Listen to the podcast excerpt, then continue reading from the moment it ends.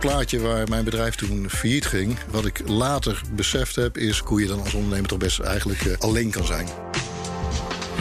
Ik ben Jurgen Rijman. En ik ben Benito Doelwijd. Welkom bij een nieuwe aflevering van Wij in de Toekomst. De podcastserie waarin we mensen willen aanzetten om uit het looprad van de werkweek te stappen. Want hoe kunnen we duurzamer met onszelf en de maatschappij omgaan? En wat hebben we nodig in die toekomst? We praten daarover met de top van het bedrijfsleven, de polder en de politiek. Vandaag spreken we iemand met al meer dan 25 jaar ervaring met ondernemen. Hij weet zelf als ondernemer hoe het is om succes te hebben, maar ook om failliet te gaan. En hoe daar nog steeds tegenaan gekeken wordt in Nederland. Nu helpt hij zelf ondernemers en dan met name degene die een sparringspartner zoeken of die ondersteuning kunnen gebruiken bij de start van hun bedrijf. Of als het niet goed gaat. Hij is verbonden aan het IMK, het Instituut voor het Midden- en Kleinbedrijf. Ja, we hebben het dus over Rieber de Graaf. Maar voordat we verder gaan, eerst even dit. Wij in de toekomst wordt mede mogelijk gemaakt door Hofman. Ze kijken daar met een veiligheidsbril naar werken in de toekomst. Want ja, kwaadwillenden vinden steeds weer nieuwe manieren om bedrijven te schaden. En bij Hofman weten ze dat. Ze zetten expertise in om de beveiliging van bedrijven toekomstbestendig te houden, eventuele technische gaten in de beveiliging te dichten en ze helpen medewerkers om veilig te handelen.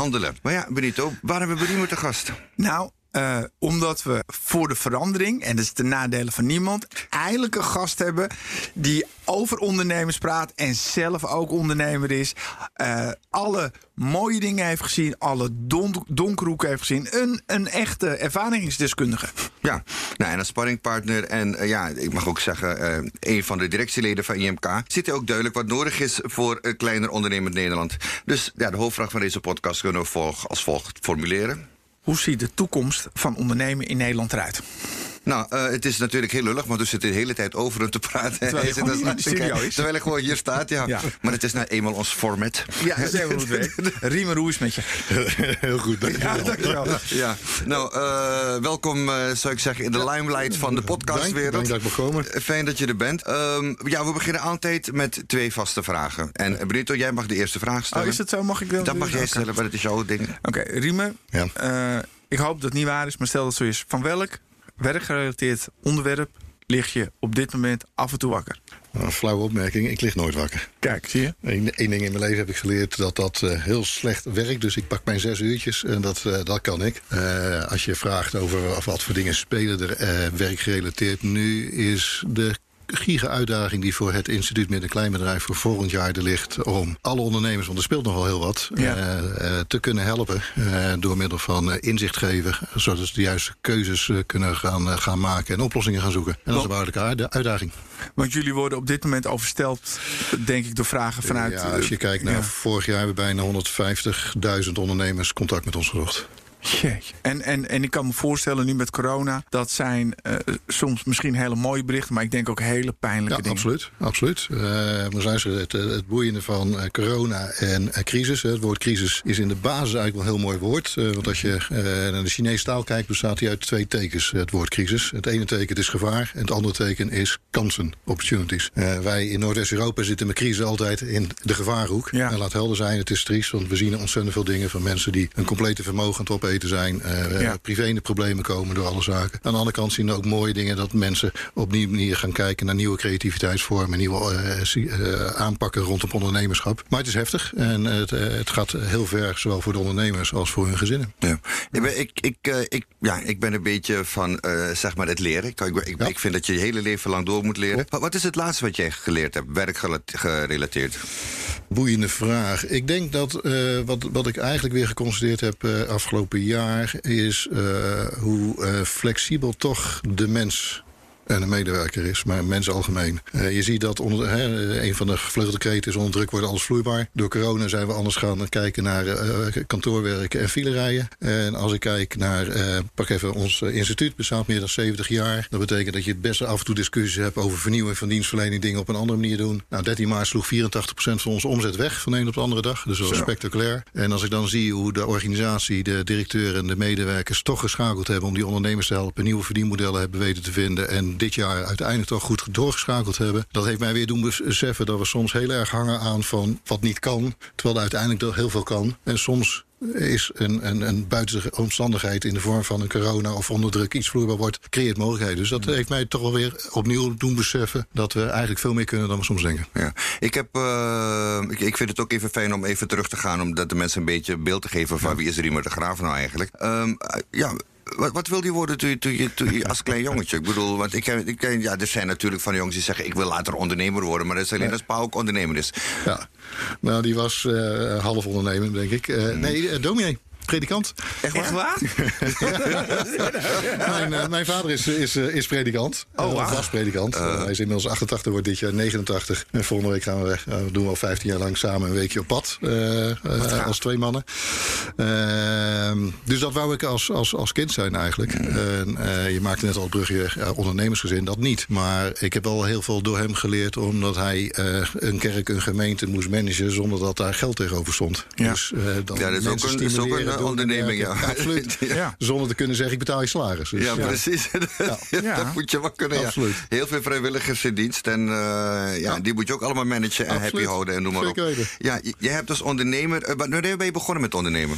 Nou, eigenlijk, eh, maar dat is een vrij lang verhaal, maar eigenlijk al op mijn eh, 18, 19e. Eh, ik leerde toen eh, de moeder van mijn kinderen kennen, heb eh, mijn oudste zoon geadopteerd en daarna kwamen vrij snel kinderen, dus moest werken. Dus ik heb een eh, carrière bij, eh, in marketing, sales en directie gehad, met name bij eh, KPN. Parallel altijd eigen bedrijven gehad. Ooit begonnen in, eh, waar ik eh, onder andere nu staat, het leveren van eh, cassettebandjes en, eh, en tapes Nee, voor radiostudio's. Mixtapes? Ja, uiteindelijk bij Studio het zelf gehad. En ja, eh, heel kort, eh, eh, van eenmanszaak tot 370 is de grootste geweest. En eh, kon niet op eh, Ja. en failliet en weer terug. Ja. Eh, dus eh, eh, een eh, aardige carrière bij KPN als in loondienst, maar daarnaast ondernemerschap. En eh, afgelopen 25 jaar fulltime ondernemerschap. Toen jij je dieptepunt eh, meemaakte, kan je daar iets over vertellen? Hoe was dat voor jou? Welke van de? Nou ja, de, eerste. laten we het, Nou, kijk. laat- het laten we hebben over een zakelijk dieptepunt. Nou, wat, wat eh, eh, eh, in, in, in het plaatje waar mijn bedrijf toen, eh, toen failliet ging, eh, even los hoe dat gegaan is en dat het een complex verhaal was. eh, wat ik later beseft heb, is hoe je, eh, en dat is ook een van de dingen die we met het instituut proberen op te pakken, hoe je dan als ondernemer toch best eigenlijk eh, alleen kan zijn. eh, of Ja. eenzaam kan zijn zonder dat er, eh, je één bent, alleen bent. Eh, en dat je dan eigenlijk dingen probeert op te lossen, terwijl je dan soms met hulp veel meer dingen kan doen. Ik heb daarna Ja. eh, verschillende ondernemers geholpen in dat soort situaties. En ik heb ze beter kunnen helpen dan ik mezelf toen geholpen heb. Ja. Eh, dus dat is een aardige leercurve uit een van de dieptepunten die ik. Heeft eh, dat te in maken? Er is ooit onderzoek geweest vanuit gedragswetenschap dat als je eh, financiële stress hebt, dat ook daadwerkelijk je UQ afneemt. Dus dat je minder goed en helder kan nadenken. Maar jij kreeg daar juist de heldere momenten. nou, dat zou kunnen. Ik ken dat on- onderzoek niet. Maar Mhm. ik, ik, ik merk ook nu wel in de coronatijd en dergelijke. Kijk, als, als ondernemer ligt er uiteindelijk wel heel veel op je bordje. Eh, en op het moment dat er financiële stress ontstaat. of de stress dusdanig breed wordt dat het privé en zakelijk is. dan kan het heel verlammend werken. Ja. Eh, dat, dat zien we ook. eh, want het instituut met de kleinbedrijven afgelopen 70 jaar meer dan 65.000 ondernemers geholpen. Met name financiële problemen. En je ziet dat gewoon 50% dat verder geholpen kunnen worden als ze eerder gekomen waren. En dat Ja. heeft te maken met enerzijds de cultuur in Nederland. We moeten stoer zijn, we praten niet snel Ja. over. Ondernemerschap ligt er altijd onder, onder, onder vuur. En anderzijds ook het aard van het beest van ondernemer. Van, joh, ik, ik knok door en het komt wel goed. Ja. En soms is het goed om eventjes eh, gas terug te nemen of eh, hulp erin te krijgen. Om, eh, zoals wij het dan noemen, de ICO, je inzicht eh, van je keuzes die je hebt. Om uiteindelijk de juiste oplossing te vinden. Ja. Nee, dat is duidelijk. Ehm, ja, toen je, je adviseert mensen, je hebt, je hebt zelf door ervaring, kan je heel veel advies geven. Maar ja, ehm, ik heb zelf ook op het dieptepunt gezeten. en Heb toen mensen tegengekomen die voor mij belangrijk advies hadden. Eh, wat was het belangrijkste advies wat jij kreeg toen je op het dieptepunt kwam? Eh, door een van mijn beste vrienden. Die zei van, joh Riemer, wat jij gecreëerd hebt... omdat je dus in de financiële problemen in het bedrijf zat. Ik had toen 300 man op de payroll. eh, betaalde ik mezelf niet meer uit en dergelijke. En uiteindelijk had ik een situatie gecreëerd... waar ik zowel privé financieel klem zat... als zakelijk financieel klem zat. En dan heb je gevecht op twee kanten. Ja. En hij heeft toen tegen mij gezegd... joh Riemer, dat is je grootste fout. Want eh, dingen kunnen misgaan. Maar nu, je had gewoon moeten zorgen dat je privé... je zaakjes op orde zou gehad hebben. Want dan heb je de helft minder aan ellende. En dat is ook een van de dingen die je vanuit de corona natuurlijk gaat zien. Ook in hoe tuig je bedrijf op... eh, privé, zakelijk, BV, eenmanszaak, dat soort dingetjes allemaal. Wat zijn de drie grootste uitdagingen voor ondernemers vandaag de dag? Ehm, ja, dat is wel heel gener- eh, generiek. Want Het is generiek, maar als je- als je gewoon even- als je gewoon top of je- ik denk, top of je eh, mind even kijkt. vo- Voldoende liquiditeit. Mhm. Eh, inzicht in naar voren kijken. eh, en creativiteit. En eh, creativiteit is hoe flexibel kan je schakelen. Dus je moet energie houden om, om te kunnen kijken hoe schakel ik als, als er dingen misgaan. Liquiditeit is natuurlijk nodig om, om je zaken te kunnen draaien. Maar ook de inzicht. eh, want eh, met, met alle regelingen die we nu hebben... zijn er ontzettend veel ondernemers en bedrijven die nu wel geld hebben... Maar vanaf 1 juli moet het terug gaan betaald worden. Dat betekent dat je meer moet verdienen dan regulier. En ja, dat stelt men dan uit in het denken. Terwijl je nu al over na moet denken, hoe ga ik dat doen en wat zijn de consequenties? Be- bedoel je daarmee, Riemen, dat, dat, dat, dat bedrijven eigenlijk, eh, als je proces op orde hebt, dan heb je ruimte, dan kan je, wat, kan je effectiever werken. En als je ruimte hebt, dan eh, heb je ook meer tijd om creatief te zijn. Hebben we daarover? Ja, gedeeltelijk denk ik wel. Hè. Dus eh, wat ik nou net zeg, als je eh, hoe meer inzicht je hebt en weet welke keuzes er gemaakt kunnen worden, dan kan je naar de oplossingen toe. Mhm. En het inzicht krijgen en doen, dat, dat verliest men vaak omdat je in de waan van de dag bezig Ja. bent. Je bent stervensdruk, je moet knokken voor, voor je plaatje, of je zit in een verlangsituatie, kan Ja. beide. Ja. En de wereld is natuurlijk zo diffuus geworden. En er zijn er eigenlijk nog maar zo weinig partijen die in de breedste zin ondernemen kunnen helpen. Vroeger had je de van de bank die breed pakte, die is er niet meer. is Dus over. Tussenpersonen zijn er niet meer de, de administratie accountskantoren. Als dat ooit zo is geweest. Is, is, ja, is meer, meer toelichting geven. Ze doen Ja. goed Ja, werk, ja. maar Ja. het is meer toelichting Ja. geven en dergelijke. Eh, en wij proberen echt daar die zakelijke vriendschap met die ondernemer neer te zetten. Van ja, starten van je ondernemer tot groeien, in problemen raken en verkopen. Dat je daar de ondernemer in kan helpen. Eh, Ja. En, en- en ja, dat is wel heel belangrijk. Dan noem je drie belangrijke punten die, eh, de- de- zeg maar waar ondernemers mee te maken hebben. En zeker in deze coronatijd zijn er ook drie punten waar je eigenlijk heel weinig kan doen. Eh, waar je weinig invloed op hebt. Ik bedoel, je liquiditeit. eh, je bent afhankelijk van, eh, van wel of niet kunnen opengaan van je zaak. Ik bedoel, dan kan je op je cashflow heel weinig. ja, dicht is dicht. Dicht is dicht, weet je, dan kan je doen wat je wil. Ehm, hoe zie je dat ondernemers, als je dan kijkt binnen het IMK, want je bedoel, hebben een groot ledenbestand, hoe zie je dat mensen daarmee omgaan? Is er genoeg, zijn ze zich daar genoeg bewust van hoe belangrijk het is om die flexibiliteit vooral te houden? Ja, ja en nee. Eh, wat we zien is dat we door met ondernemers ook te, te, te praten en over deze dingen te praten, dat we ze daarin kunnen, kunnen, kunnen helpen. Eh, wat ik net zei, die inzicht is waar sta je financieel, wat, maar wat komt er ook op je, op je af? Eh, hoe zit dat plaatje erin? Daar, daar, is, eh, daar is nog heel veel, heel veel in te winnen. Want Op het moment dat je daar meer inzicht hebt, kan je die stappen maken zoals ik net, net, net gezegd heb. Laat helder zijn dat een, op het moment dat je verplicht wordt je tent te sluiten, ja, dan is het een helft job. Want ja, dan, dan is de vorm van creativiteit, zoals je op een gegeven moment bij de restaurants zag ontstaan van thuisleveren en dergelijke, natuurlijk wel een, een mogelijkheid, maar nooit voldoende. Ja. En dat is natuurlijk wel een ander soort crisis dan de markt verandert. Ja. Eh, we hebben een financiële crisis of de business verandert en dergelijke. Ja. Dus daar zit wel een, een, een, een, een, een heel nieuw dynamiek in, waar we natuurlijk nog nooit op deze manier meegemaakt hebben. Wel, welke impact heeft volgens jou eh, de huidige wetgeving op het ondernemen? En specifiek als je kijkt naar eh, bijvoorbeeld zekerheid, pensioen, duurzaamheid, maar misschien ook corona. Ja, hoe zou ik dat zeggen? Kijk, eh, de, laat, ik- laat ik bij corona beginnen. Op zich is denk ik goed wat de overheid gedaan heeft... dat er eh, snel, of tenminste snel, in ieder geval geld beschikbaar kwam. Eh, wat ik niet goed erin vond, is dat het eigenlijk... eh, eigenlijk had ik liever een proces gehad, net zoals we in de zorg hebben... eh, dat je ergens eerst eventjes kijkt van... joh, was een bedrijf, even Ja. los van corona, levensvatbaar voor je het doet. Hè? Want je hebt nu ook het Ja. risico dat je bedrijven aan het, aan het helpen bent... waar, juist, waar, waar het, het, het plaatje al niet in zat. Eh, dat is één. Twee, de regels die zijn natuurlijk razendsnel gegaan... maar er zaten ook best wel weeffouten in. En, eh, en drie, als ik naar de corona kijk... is het is heel erg bij de werkgever, zeker de ondernemer neergelegd. Ja. Hè, want eh, doorbetalen van salaris en dergelijke, fantastisch. Maar daardoor hebben de medewerkers het minder gevoeld. Eh, wel mooi in, in de werkgelegenheid. Maar als je kijkt wat de ondernemer daar aan vermogen... aan inlopen en weglopen is... en dat Ja. kan je niet afdoen met de opmerking... dan had je je buffersmapperij moeten hebben. Want als je dicht moet, Dan moet je, ja, dan gaat het Ja, maar hard. dit heeft niks te Daar- maken daar, met daar kan je niet buffers, tegen, tegen aanknokken. En dan ben ik even kwijt de tweede vraag die je nou had. over zekerheid, ja, pensioen en zekerheid, dergelijke. pensioen. ja. En duurzaamheid. Eh, ja, goed, wij hebben eh, ook, ook daar een concept voor ondernemers eh, als tegenhanger van de arbeidsongeschiktheidsverzekering. Ik zit daar wel duaal in. Eh, enerzijds zeg ik, ja, ondernemers die eh, moeten gewoon en mogen hun eigen keuze maken. Aan de andere kant vind ik, in Nederland zijn we daar wat in doorgeschoten. Want op het moment dat ik als ondernemer, ik ben 55 jaar, eh, ik ben hartstikke gezond, mijn vader wordt dit jaar 89, eh, maar hij heeft wel een stand. Eh, mijn broertje heeft een oogprobleem, dus als ik mezelf zou moeten verzekeren, dan kost het heel veel geld. Ja. Eh, als, ben ik, als ik in dienst ben ergens, niet. En eh, wij hebben in Nederland het uit elkaar getrokken. Want ik als ondernemer kan niet aan het eh, bestel meedoen.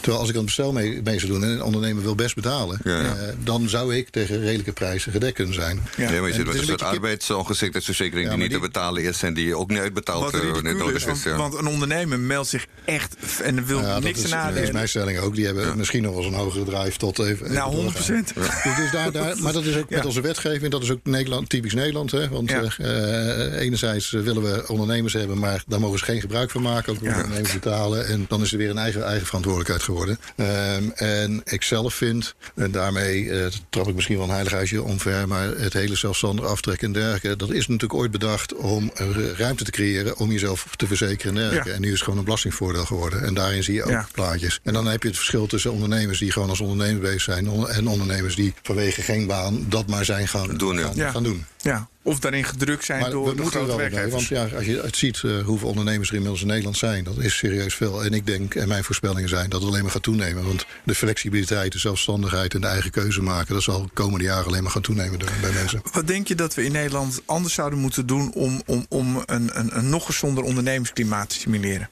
Waar zouden we vanaf moeten? Een aantal onlogische dingen. Nou, wat, wat ik zelf uh, wat uit balans vind in Nederland is de rechten en plichten tussen werkgever en werknemer. Uh, en de stimulans toch ook wel. Nederland uh, heeft, heeft niet echt een, een stimulans rondom ondernemerschap. Ja.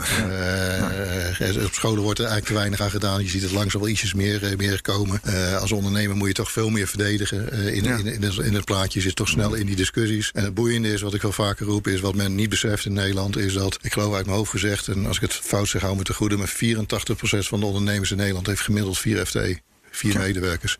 En alle discussies rondom verrijking, groot geld en dergelijke gaat op de grote dingen, wat een heel beperkt plaatje is, maar dat domineert wel de discussie. Als ik roep dat ik DGA ben, directeur grote aandeelhouder, dan is de eerste associatie, maar dat is hartstikke, die is hartstikke rijk en weet ik het allemaal. Maar een DGA kan ook een eenmanszaak zijn, kan ook met twee, drie, vier medewerkers zijn. Precies. En dat is het merendeel van, eh, van eh, in Nederland. En dan betaal je meer aan uh, loonbelasting dan je eigen salaris. Be alleen al, dus. van. Maar dat is een lastige discussie uh, en dat is ook lastig uit elkaar te houden, want we hebben het al heel snel over de dividendstromen van de grote bedrijven. We hebben ja. heel snel ja, dat is wel over, over de salaris en dergelijke. Terwijl... Jullie zijn vooral met midden- en kleinbedrijf ja. bezig en vooral kleinbedrijf. Ja. Uh, hoe, hoe kan je ze helpen? Lobbyen jullie ook in Den Haag bijvoorbeeld over wetgeving? Nou, en... We werken nou samen met onder andere ONL. Maar inderdaad, mm -hmm. we hebben een duidelijke mening dat dat doen we. We doen uh, momenteel heel veel in, in het laten zien wat, wat er kan. En als IMK, het Instituut Midden- Kleinbedrijf, uh, wat ik in het begin ook even vertelde, willen we echt zijn voor de ondernemer en zijn of haar onderneming in elke levensfase. Dus we hebben verschillende units die zich ondernemers kunnen helpen met starten.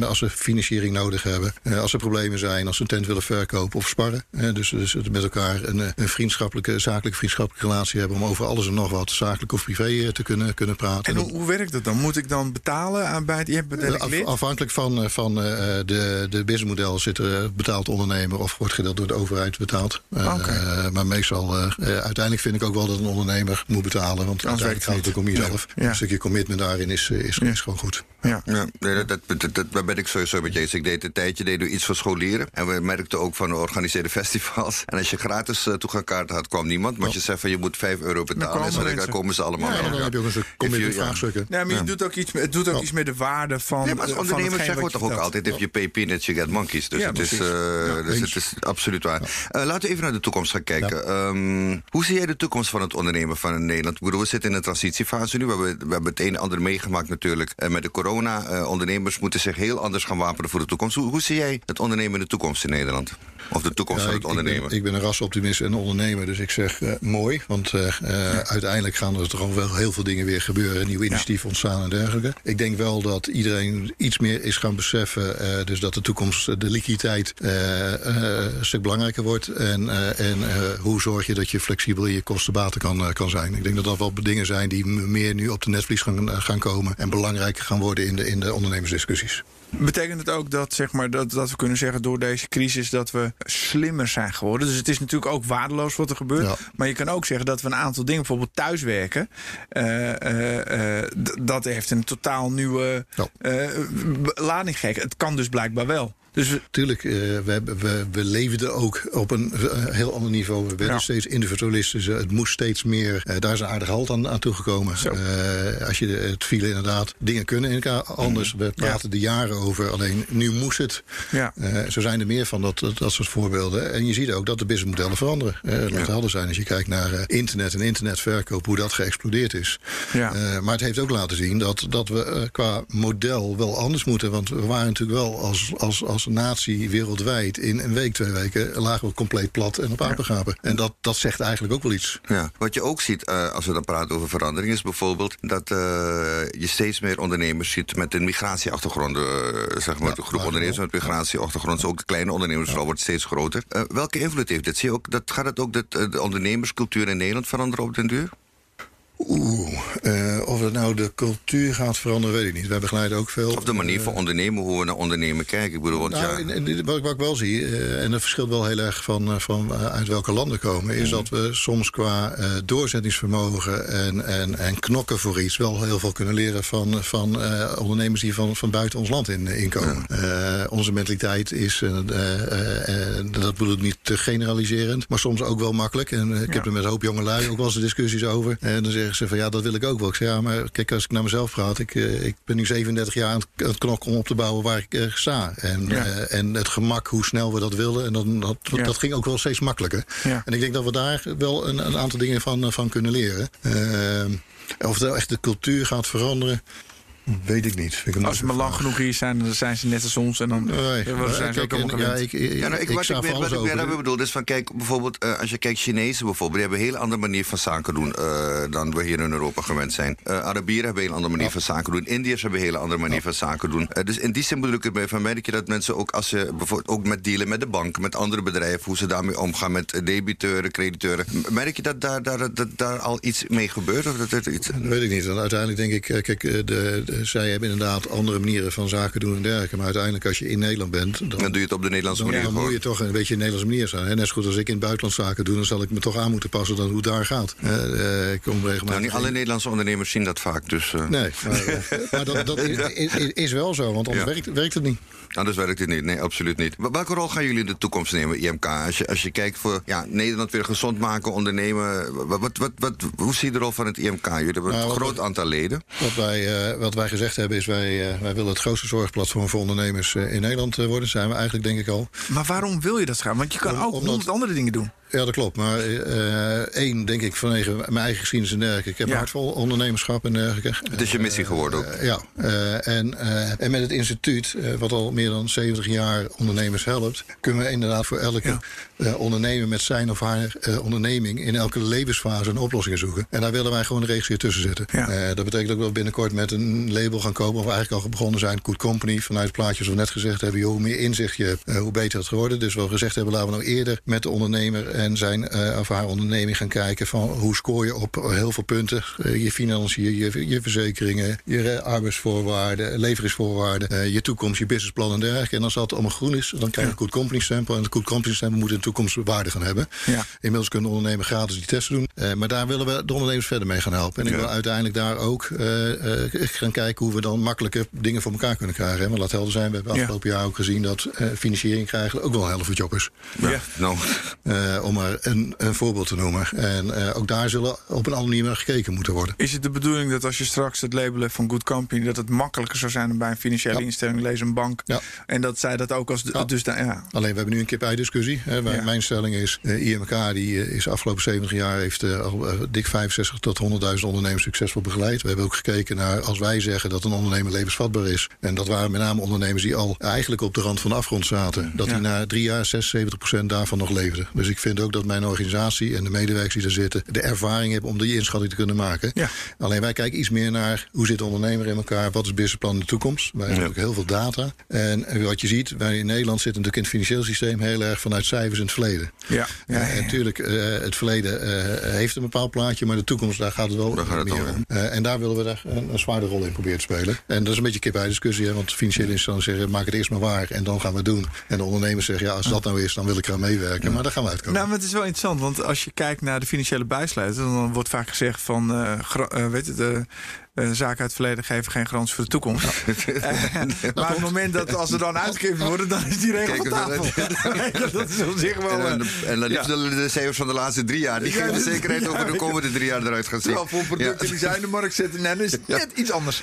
ja, wat, wat, wat zou de... Wat, ik bedoel, jullie zijn, jullie zijn bezig, jullie hebben een bepaalde drive. Uh, ik heb het mogen meemaken van dichtbij wat jullie doen, dus dat gaat echt heel goed. Maar als je dan kijkt vanuit de politiek en vanuit de ondernemers zelf, wat, wat verwachten jullie nog van die twee partijen? Hoe bedoel je dat? Nou, wat, wat zou de politiek nog kunnen doen om jullie beter te kunnen faciliteren? Zodat je werkelijk naar dat, naar dat Good Company certificaat kan gaan voor Nederlandse bedrijven. En men kan zien van ja, met die kan je samen. Ook voor natuurlijk ook voor, voor potentiële businesspartners is het handig als je zo'n certificaat hebt. Of voor investeerders. Ik bedoel, Nou ja, sparringpartners, noem maar op. eh, Ooit is het IMK eh, eh, na de Tweede Wereldoorlog opgericht om ondernemers te helpen vanuit de overheid. Dat is een oud overheidsbedrijf. Mhm. En in de beginjaren voor de mensen 45 jaar en ouder, die ik kan het waarschijnlijk nog herinneren, moest IMK in die tijd, eh, als je een, eh, een financiering wil hebben met een borgstelling bij de bank, een goedkeuring geven. Eh nou hoeft het niet voor mij niet alleen IMK zijn, maar ik geloof wel dat we ergens naar zoiets toe moeten gaan waar de processen makkelijker gaan. Want je, je ziet als je kijkt naar de budgetten die vrijgegeven zijn, de garanties die naar de banken gegeven zijn en hoe weinig daarop getrokken is, dat heeft allemaal te maken met, met processen. Banken hebben natuurlijk giga teruggesneden. Dat is eigenlijk voor de kleine ondernemer. Dat is te duur. Dat moet op een andere manier. Dat wordt gedigitaliseerd. Met het digitaliseringsproces val je al snel af op het moment dat een paar vinkjes niet, niet kloppend zijn. kloppen, ja. Terwijl Ja. het verhaal erachter eigenlijk wel ja. heel erg belangrijk is. Ja, ja. Eh, Dus ik denk dat daar nog wel wat, eh, wat, eh, wat te, te, te winnen is. En voor de ondernemers zelf,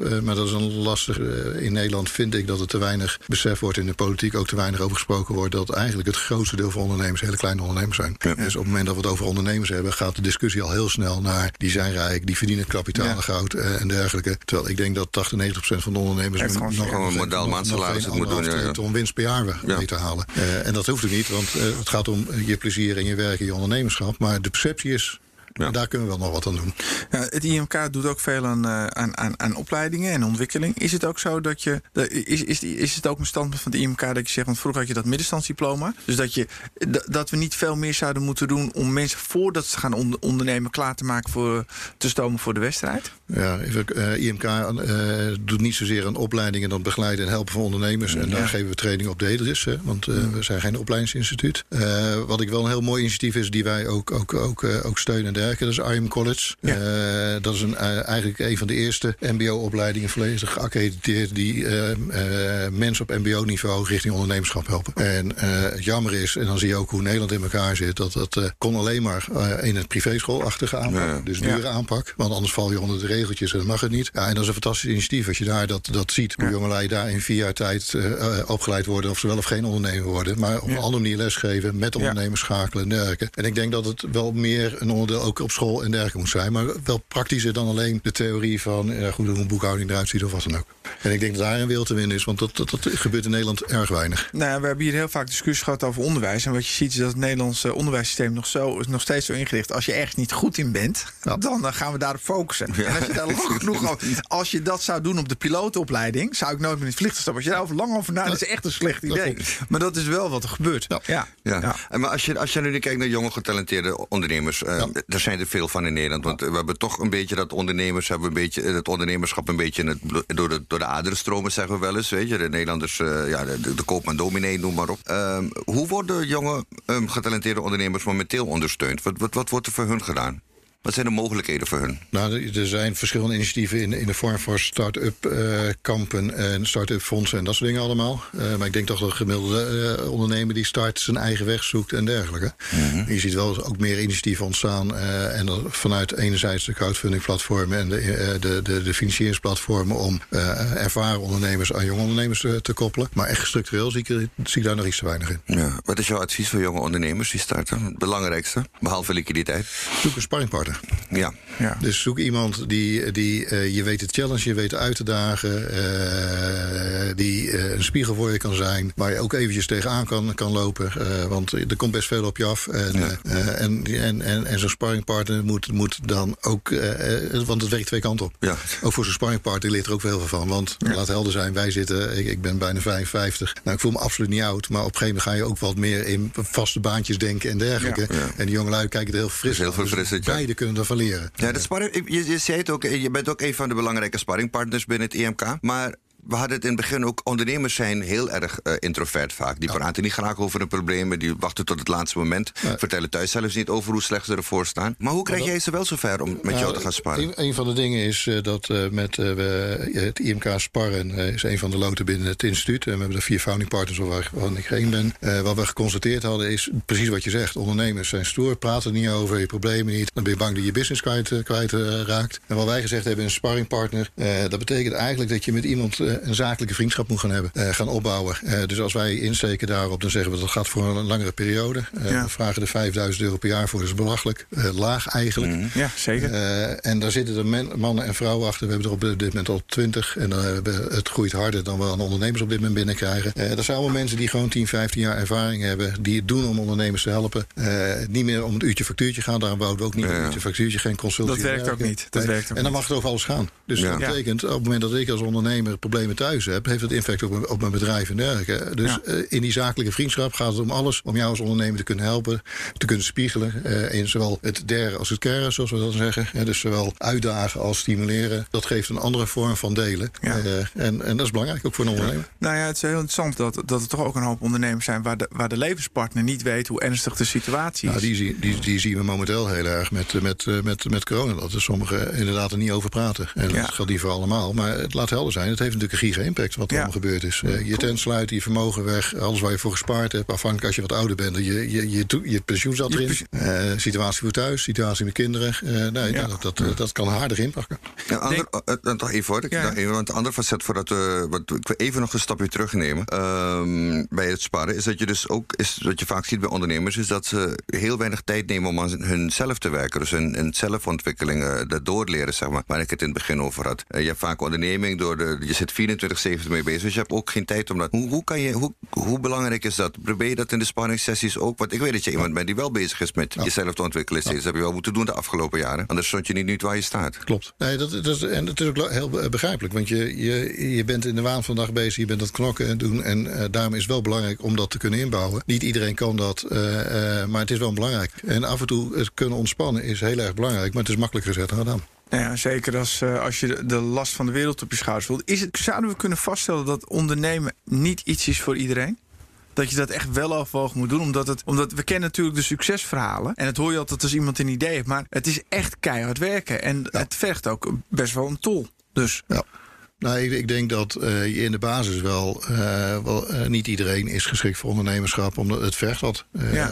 je, je, je hebt een veel onzekerder bestaan. Ja. je kan niet zomaar even zeggen: ik ga nu even vakantie, ik ben er klaar mee. Ja. het biedt ook heel veel mooie kansen, maar je hebt ook vrijheid en, en, en dergelijke. en ik doe, doe mij denken aan het verhaal van mijn oudste dochter. Die heeft jaren geroepen: van pap, ik ga nooit ondernemer worden, want ik heb bij jou gezien: de ene keer heb je cent, de andere keer niet. En dat is altijd wat en je moet altijd klaarstaan. Tot haar derde contract niet verlengd werd. En toen zei ze tegen me van, uh, ik dacht dat ik veiligheid was. Mijn schijnveiligheid is ja. onderneemster geworden. Dat is het hartstikke leuk en dergelijke. Ja. Dus ja, het is maar net, uh, maar het moet wel bij je liggen. Maar als je dan, want je zegt iets moois, dat die Generation Z. Als we dan kijken de nieuwe de generatie Z die er nu aankomt. Die zijn mensen die zijn toch, die hebben veel minder commitment naar lange dagen. Die willen ook purpose hebben. Die moeten de flow hebben. Nou, we kennen al die termen wel. Um, als je dan kijkt naar de toekomst van het ondernemen, waar we het net over hadden, zie je dat mensen op een gegeven moment ja, ook alleen maar met hun iPad naar Kreta gaan uh, en dan vervolgens van daaruit de zaak kunnen bestieren? Nee, ik, ik denk dat er voorbeelden al zijn van, van, van, uh, van de jongelui die rondreizen en, en op die manier een zaak besturen. Zaak besturen ja. En wat helder zijn, wat je nu ziet, is door corona hebben we ook wel gezien en geleerd op, eh, van de, de bedrijven als de grote bedrijven, multinationals en dergelijke, is dat je heel veel dingen op een andere manier kan organiseren. Ja. Precies wat je zegt, uh, met de videomeetingen maakt het niet meer uit waar je bent. Ja. Dus je wil af en toe elkaar wel even face-to-face zien. Maar het hoeft niet elke keer meer. Dus je hoeft niet meer zes keer per jaar uh, ja. ergens heen te vliegen als je iemand wil spreken en dergelijke duur op afstand. Maar dat betekent ook dat het heel veel mogelijkheden ook geeft. En zeker voor die nieuwe generatie die op een andere manier tegen dingen aankijkt en meer voor werkvreugde gaat dan, dan ja. voor die invulling, biedt het heel veel kansen. Maar hoe, hoe is dat voor jou? Want heb jij nog de behoefte? Want we, iedereen is nu helemaal in de teams en Zooms en god weet wat. Maar vind jij het ook niet fijn dat als je met iemand zaken doet, dat je iemand toch even met iemand in een ruimte zit? Dat is toch een bepaalde energie wat je via team. Het, het, Teams is effectief. Nee, Zoom, maar... Kijk, uh, mijn mening erover is met, uh, met Teams, Zoom en dergelijke. Op het moment dat je iemand kent, dan is het handig om even bij te praten, doen en dergelijke. Uh, en ik wil graag iemand kennen, ik wil graag Precies. iemand in de ogen aankijken. Ja. En liefst nog eventjes. Ja, even kunnen aanraken, ja. ja. Want maar de body language lezen is het makkelijkst als je het live hebt. Ik heb ook wel geleerd nu, en ik deed het al heel lang zelf hoor, maar het is ook wel een effectieve vorm van, uh, even met, je, met, met het team even bijpraten en dergelijke. Dat kan met Zooms heel effectief, veel korter, als je maar wel de andere momenten hebt. Dus ik denk dat de trend wel gaat worden dat je elkaar vaak op een andere manier wil ontmoeten. Mm -hmm. ja. En die zakelijke dingen wel eventjes op een andere manier kan bespreken en dergelijke dan dat het in die vergaderingen of in dat soort overlegstructuren en dergelijke moet. Heb je qua ondernemer nog iets op je bucketlist staan?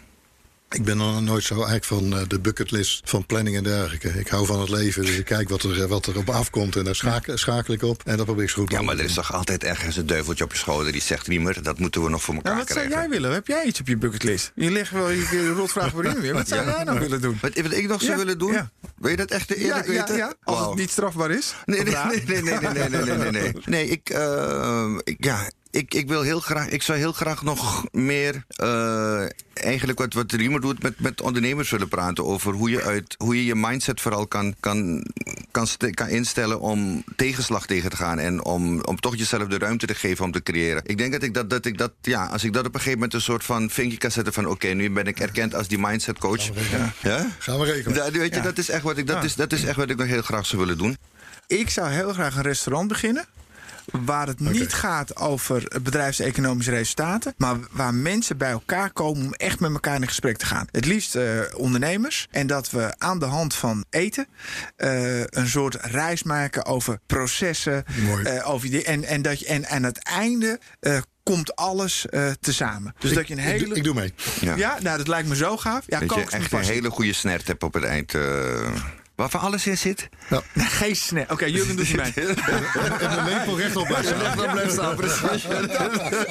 Dan heb je een solide basis. Nee, nee niet, niet om het ene. Eten, mijn ik ben van Surinaamse afkomst. Met eten kan je mensen de oorlog en de liefde verklaren. Ja. Eten brengt mensen samen op een manier. Uh, het, maakt, het maakt mensen mooier.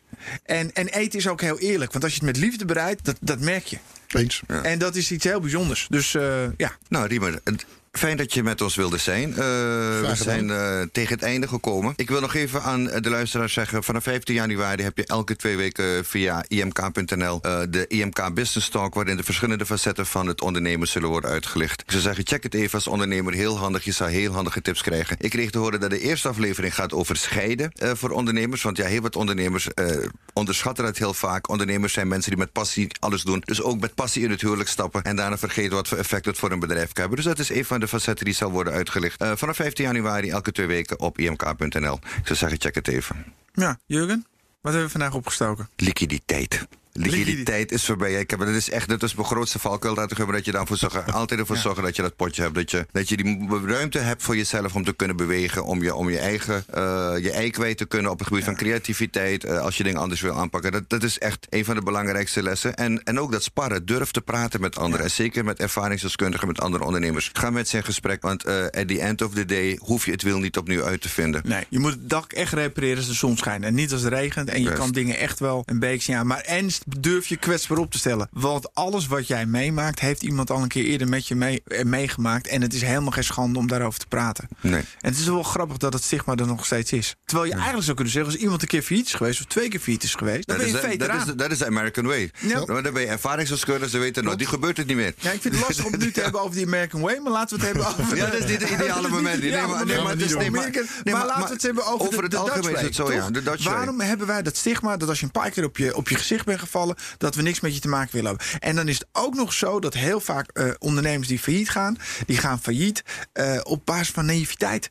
Nee, maar ik de denk dat het, ik denk dat het, aan je fiets en dan moet je me je verbeteren, Riemer. Als het niet zo is, ik denk dat het te maken heeft met onze Calvinistische inborst, waar we het in het begin ook over hadden. Ondernemers die moeten altijd stoer zijn naar de buitenwereld toe. Die moeten altijd laten zien dat zij doen. Zij weten hoe het gaat en die durven niet te praten erover. En dat is ook het geval dat als je failliet gaat, dat er heel veel schaamte eromheen zit. En dat, van daaruit komt het denk ik dat men nog steeds met het idee loopt. Als je één keer failliet bent gegaan, dan ben jij niet meer trustworthy. Geloof me, dames en heren, probeer het een keer. Het is nou, verlichtend. Ja, ik, kan, ik sluit me daar helemaal bij aan. Jurgen, uh, dit was hem dan weer. Uh, wij in de toekomst, de podcast waarin wij, Jurgen Rijman en Benita Doelwijd proberen Nederland te bewegen om mee te denken over werken en ontwikkelen in de toekomst. Voor een positieve toekomst van werkend Nederland. Ja, en wil je meer horen? Ga dan naar www.bnr.nl slash wij in de toekomst, de BNR-app of je favoriete podcastplatform. Tot de volgende keer. Hoi, hoi.